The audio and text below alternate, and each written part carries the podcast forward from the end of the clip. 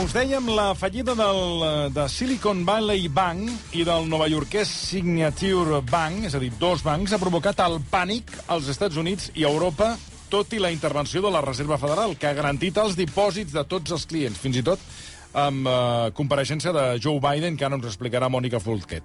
L'efecte contagi sembla que no s'ha acabat i ara ja es parla d'un tercer banc, que seria el First Republic Bank, en el punt de mira.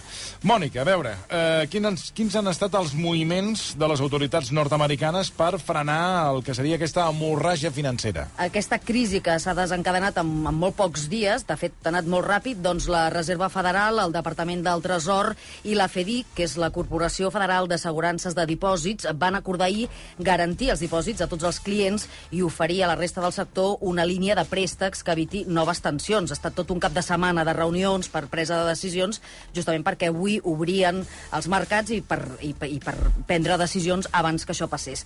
El president dels Estats Units, Joe Biden, ha defensat aquest migdia la intervenció de l'administració i ha assegurat que el sistema bancari és segur. Avui, gràcies a les ràpides accions del govern, els americans poden tenir confiança en que el sistema bancari és segur. Els estalvis estaran garantits quan els necessiteu. Els petits negocis de tot el país que tenen els diners en aquests bancs poden respirar podran pagar els seus treballadors i fer front a les factures. Malgrat aquest missatge, el terratrèmol que afecta la banca regional nord-americana amenaça de provocar un efecte dominó. La fallida de Silicon Valley Bank ha provocat caigudes importants a l'IBEX 35, principalment, clar, al sector de la banca. El Banc Sabadell ha liderat les pèrdues amb una caiguda que ha superat l'11%, però no n'ha escapat ningú. Al tancament de la sessió, les accions de Banc Santander recollien pèrdues del 7,35% i Banc Inter un 8,54%. Les del BBVA un 8,20%. 7,24%, CaixaBank un 6,24% i Unicaja un 7,78%. Bé, ja fa temps que sentim a parlar de, del món de les tecnològiques que han entrat en una espiral negativa. Eh, després d'aquest sotrac ara financer, Uh, avui ens preguntàvem uh, bueno, què està passant en el món de les tecnològiques i és per això que saludem el periodista especialitzat en tecnologia, l'Albert Cuesta. Aquí ja podem uh, saludar. Albert, bona tarda. Bona tarda, Toni. Gràcies per acompanyar-nos, Albert. Bueno, la, la primera qüestió és, eh, és la següent. El Silicon Valley Bank té com a principals clients les anomenades startups. L'entitat va anunciar la setmana passada un pla per ampliar capital amb més de 2.000 milions de dòlars perquè estava ja patint importants retirades de fons. Um, què, què, què va passar amb les tecnològiques? Per què la, la, perquè sembla que, tot i aquest anunci, doncs eh, els clients del Silicon Valley Bank, que era, repetim, un banc que subministrava bàsicament la financiació a les startups, doncs no s'ho van acabar de creure i va començar el que s'anomena fugida de capital, no? Eh, patien ja pels seus diners o què és el que ha passat aquí? Uh, aviam, el que ha passat aquí, uh, uh, heu posat unes declaracions del president Biden, al final diu una cosa uh, que, no, que no, la, no la referíem a això, però jo l'agafo, diu, uh, és, el capitalisme és això, nois. Uh, vull dir que uh, realment realment aquí el que ha passat, jo crec que eh, aquesta rapidesa que deia la Mònica de, de la crisi, d'aquest pànic bancari, és, eh, és perquè aquesta, jo diria que és la primera crisi bancària que passa en temps de xarxes socials. I quan va haver-hi cert, un cert missatge de, diguéssim, d'inseguretat eh, financera dins del, dels cercles d'inversors de Silicon Valley, amb els xats i amb els newsletters i tot això, eh, tots es van eh, apressar a treure, a retirar dipòsits eh, sense que en realitat hi hagués eh, un motiu clar per fer-ho, perquè, aviam, el, el, el Silicon Valley Bank és un banc, eh, és el 16è banc eh, dels Estats Units, però vull dir que és un, és un banc que té, aviam, si no recordo malament, té 209.000 milions d'actius, eh, i això és menys del 1% del total de dipòsits que hi ha als Estats Units. Vull dir que en realitat mm, no hi ha cap motiu perquè es produeixi aquest, eh, aquest efecte dominó.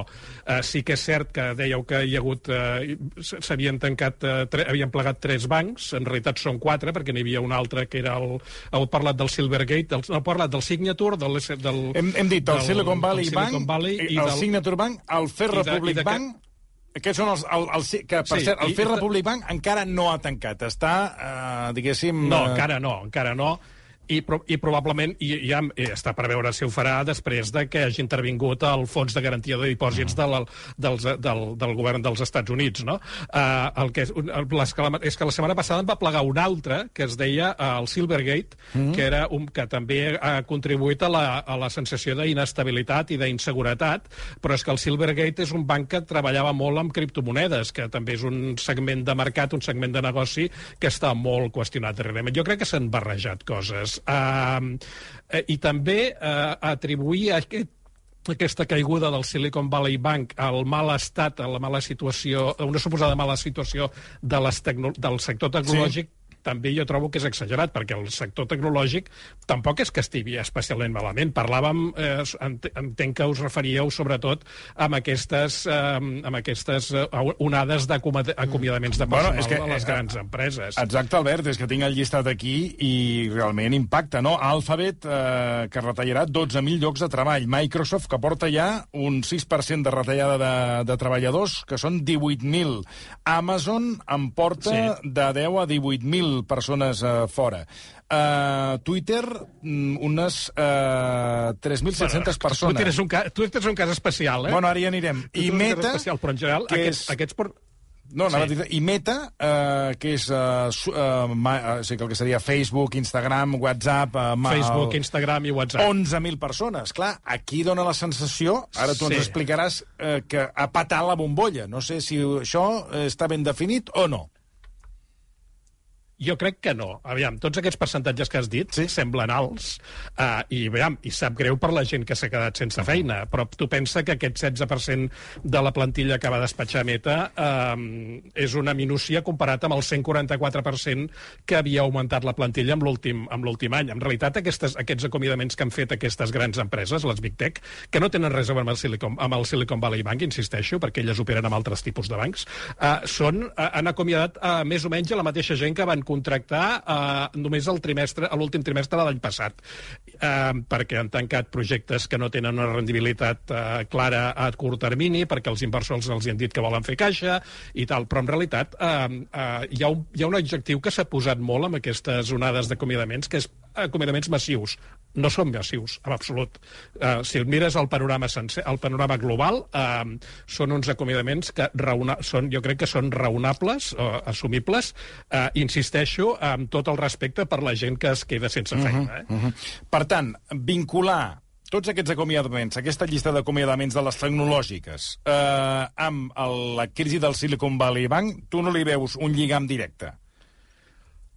No, jo crec que en tot cas té una relació indirecta. Aviam, aquests acomiadaments, eh, que insisteixo no són tan massius, eh, eh, es van s'estan fent o s'han fet eh, amb el cas de les grans, eh? Mm -hmm. I parlem sí, sí, sí. d'Amazon, les que has dit tu, Amazon, Meta, Microsoft, eh, Alphabet, Apple... Bueno, Apple és l'única que no ha despatxat ningú, no. sembla. No, no, Apple no. Twitter és un, és un cas a banda, si, si vols ah, en parlem després. Sí, ara en parlarem de eh, Twitter. Uh, però sí. aquestes, aquestes, Sí, a Twitter sempre, l'Elon Musk sempre dona per parlar.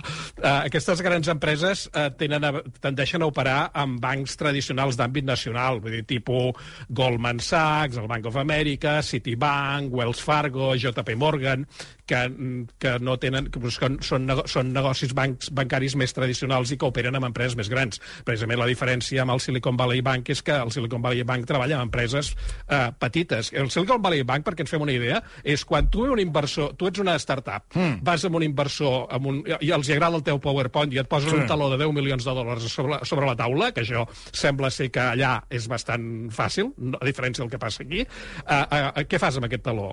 El portes a un banc i el banc on portaven 40.000 d'aquestes empreses és el, era el Silicon Valley Bank, i això no el feien servir doncs, per operar, per fitxar gent, per pagar nòmines, que això ha de passar, la, la, la següent nòmina eh, ha de passar demà passat, el dimecres, paguen cada 15 dies, i llavors es patia per, perquè a veure què passava avui per si es podien pagar les nòmines de, de, les, de les startups de, demà passat. Total, bé, tornant al tema, això dels acomiadaments de les grans empreses, jo crec que responen a correccions dels excessos que es van cometre durant la pandèmia, és a dir, pensar que tothom es quedaria ja per sempre més a casa connectat i fent-ho tot per internet, i eh, els inversors els hi, han fet tall, els hi han fet tancar projectes de realitat, diguem-ne, menys clara, i en molts casos això vol dir eh, comprar empreses emergents. O sigui, tant totes aquestes empreses grans que estàvem dient, moltes vegades quan obren una, una nova línia de negoci el que ho fan comprant una empresa petita mm, sí. que, que, que, el, que fa un producte, un servei que els hi sembla interessant i en comptes de dedicar gent pròpia a desenvolupar-lo, van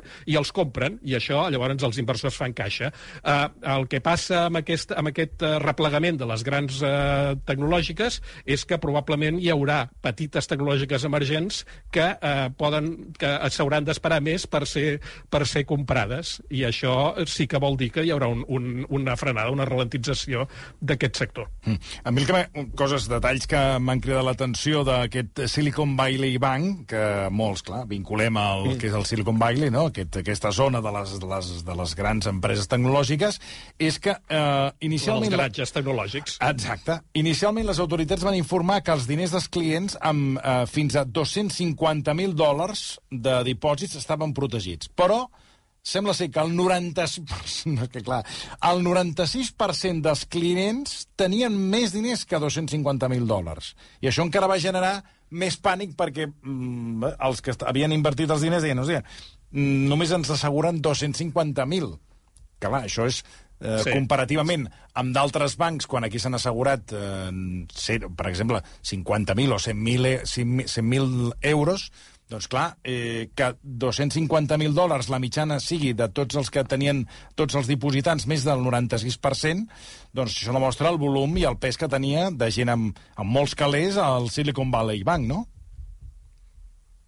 Sí, el que passa és que eh, jo he fet els números, això, eh, el, el compte de la vella. Eh? Sí. O sigui, si el, si el Silicon Valley Bank té dos, tenia 209.000 milions de, de dòlars en dipòsits i tenia 40.000 eh, 40.000 clients, eh, jo més o menys em surt, si no m'he equivocat a l'hora de fer les, els càlculs, em surt que cada un d'aquests 40.000 clients tenia un promís de 5 milions de, de, de dòlars eh, sí. dipositats allà. És clar, si 5, 5 milions de dòlars contra 250.000 dòlars són, són pocs, llavors, clar, eh, eh, eh, exacte, hi ha de venir el senyor Estat eh, a, a, a, garantir, a garantir els dipòsits. Em sembla interessant, eh, ara abans parlaves tu del fons de garantia de dipòsits d'aquí, mm. eh, que ja, ja hi ha qui està comparant aquest, això amb el rescat, banca, amb el rescat bancari d'aquí de, de l'Estat. No? Eh, a, a mi em sembla interessant una cosa que ha dit Biden, que és que els accionistes i els directius de Silicon Valley Bank i dels altres, eh, amb aquests no se'ls rescata. Vull dir que els, les entitats eh, hauran de tancar o ser, o ser comprades, però que els accionistes no s'aprofitaran dels diners públics, dels diners dels, dels, dels contribuents, cosa que eh, entenc que aquí, eh, aquí a l'Estat sí que va passar. Parlaves de... Eh, hem, hem fet referència a tot aquest seguit d'empreses, de tots aquests acomiadaments, que ens quedem amb la lectura de que són, uh, són molt grans, però uh, tu mateix ens explicaves que que doncs, eh, són relatius en funció del que van arribar a incrementar les seves plantilles en època de bonança. Eh, deies que Twitter eh, és un món a part. Uh, Twitter a dia d'avui, on, on som? Perquè ja ens hem perdut amb un Elon Musk uh, que cada dia ens sorprèn. Uh, on és ara mateix aquesta, aquesta xarxa social? Home, aquest uh, uh, Twitter... Uh, hem de dir que continua funcionant. Sí, sí, sí, no, no, això està clar. Continuem eh, fent-la fent, fent servir. El que sí que és cert és que té un funcionament menys, diguem-ne, estable del que havia tingut en el seu moment. Vull dir, en Musk, amb la, a l'hora de comprar-la al mes de novembre, doncs s'ha llançat a despatxar gent per reduir despeses i a intentar i a, i a retallar funcions, incorporar-ne de noves que, que, pretén, que pretenen ingressar diners, no? Um, aviam, Twitter està en una situació inestable. Uh, jo crec que mentre es duri, els que la fem servir, uh, l'hem de continuar, la podem continuar fent servir. El que, no és, el que em sembla una mala, una mala, diguéssim, una mala mostra de la capacitat uh, de gestió d'Elon Musk, el malament que està funcionant Twitter en els últims mesos, des de primers d'any, Twitter ha caigut sis vegades. Vull dir, eh, això no havia passat mai. No sé si els usuaris més veterans de Twitter recordaran aquell, aquella imatge d'una balena que sortia quan Twitter estava saturat. Mm -hmm. eh, eh, ara, i Twitter ja no la fa servir, aquella balena, però la podria haver fet servir sis cops aquest, amb el que portem d'any. Eh, I això, eh, jo crec que... Eh, d'alguna manera eh, desacredita Musk per fer afirmacions com, com la que ha fet, eh, crec recordar que em sembla aquest cap de setmana, al seu Twitter, quan algú li va dir, algun dels seus fans, que en té 110 milions, eh, li va dir, escolta, per què no compres tu el, el, el Silicon Valley Bank? I va dir, ah, doncs mira, ja m'ho pensaré.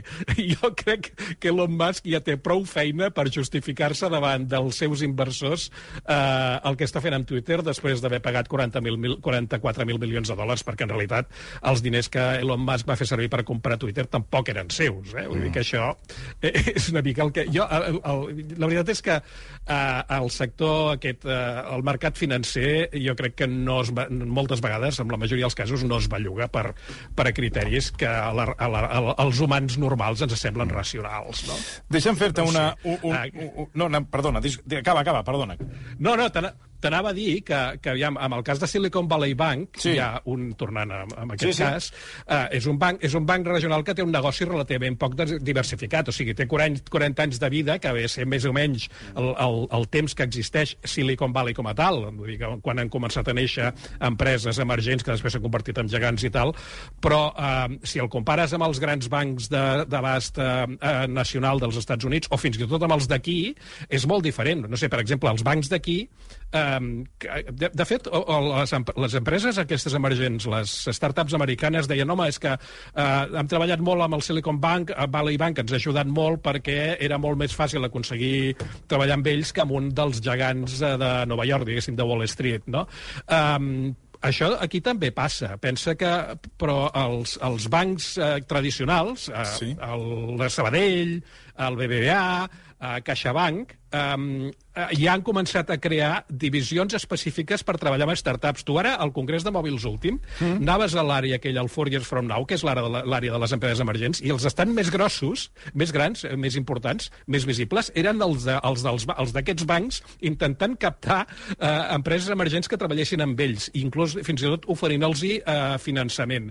A, a, a, a Silicon Valley la cosa és una mica diferent, perquè aquí, a, a Catalunya i a l'Estat, els inversors eh, amb tecnologia tenen, tendeixen a ser no diré garrepes, però diguem-ne prudents, eh, i llavors eh, eh, la gent que crea empreses emergents ha de dependre bastant més dels bancs. Allà als Estats Units el negoci és diferent. A Silicon Valley hi ha empreses privades, gabinets privats enormes d'inversió, que són gent amb molts calés, que aposta eh, als calés eh, i fa apostes fortes, fins al punt de que eh, un inversor normal d'aquests eh, que estan en una, en un, tots tenen les oficines en un lloc que es diu Sun Hill Road, eh, compten que ells inverteixen en 10 empreses i ja es conformen si una d'elles triomfa i els hi permet aixugar els deutes, que, o, o sigui, la, la, el fracàs de les altres 9. Mm.